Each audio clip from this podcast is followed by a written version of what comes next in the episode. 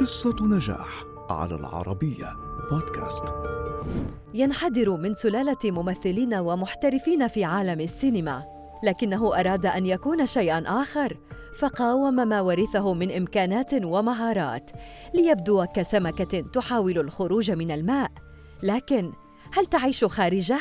هذا السؤال كانت إجابته لا فخافيير باردم ولد ببساطة ليكون فناناً لا بل نجما كبيرا في عوالم هوليوود. لن يستوعبه مكان آخر غيرها. فما قصته؟ ولد خافيير باردم عام 1969 بإسبانيا لعائلة فنية. فوالدته الممثلة بيلار باردم وكذلك أجداده ممثلون. بينما كان عمه كاتب سيناريو ومخرجا مشهورا ما ساعده ليبدأ مسيرة فنية مبكرة جدا.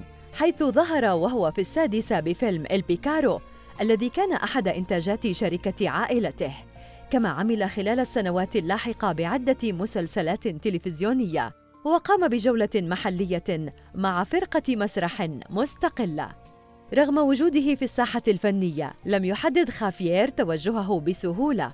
فمرة أراد أن يصبح رساماً ودرس الرسم لفترة وجيزة في مدريد، ومرة لعب الرجبي قبل أن يوقن أنه لن يجد نفسه خارج هذا العالم، خصوصاً بعد ظهوره في فيلم الكوميديا جيمن جيمن عام 1992 الذي لعب فيه دور عارض أزياء ما دفعه للتركيز على مهنة التمثيل. فقدم بعدها أحد أهم أدواره المحلية بفيلم. دياس كونتادوس الذي أهله للحصول على جائزة الفيلم الوطنية غويا لأفضل ممثل مساعد.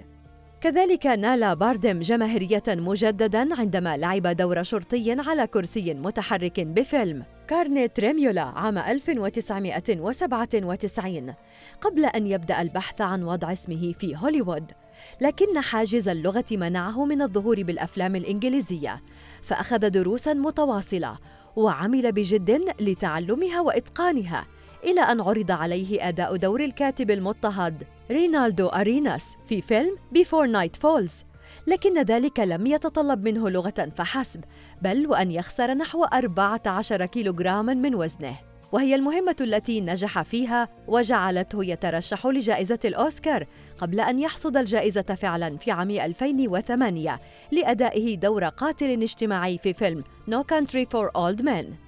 واصل بارديم الظهور بالأدوار الصعبة فلم يمثل فقط دور الرجل المقعد بل لعب أيضا دور الأب المريض بالسرطان في الدراما الإسبانية Biutiful كما لعب دور إرهابي منتقم في فيلم Skyfall وأدى العديد من الأدوار التي استحق عليها جوائز مهمة كجائزة غويا لأفضل ممثل وكأس فولبي لأفضل ممثل في مهرجان البندقية السينمائي وجائزة الفيلم الوطني وغيرها. قدم باردم خلال مسيرته أكثر من 47 فيلماً التي كان من أشهرها Running Out of Time و Mouth to Mouth و Live Flash و I Love Lucy.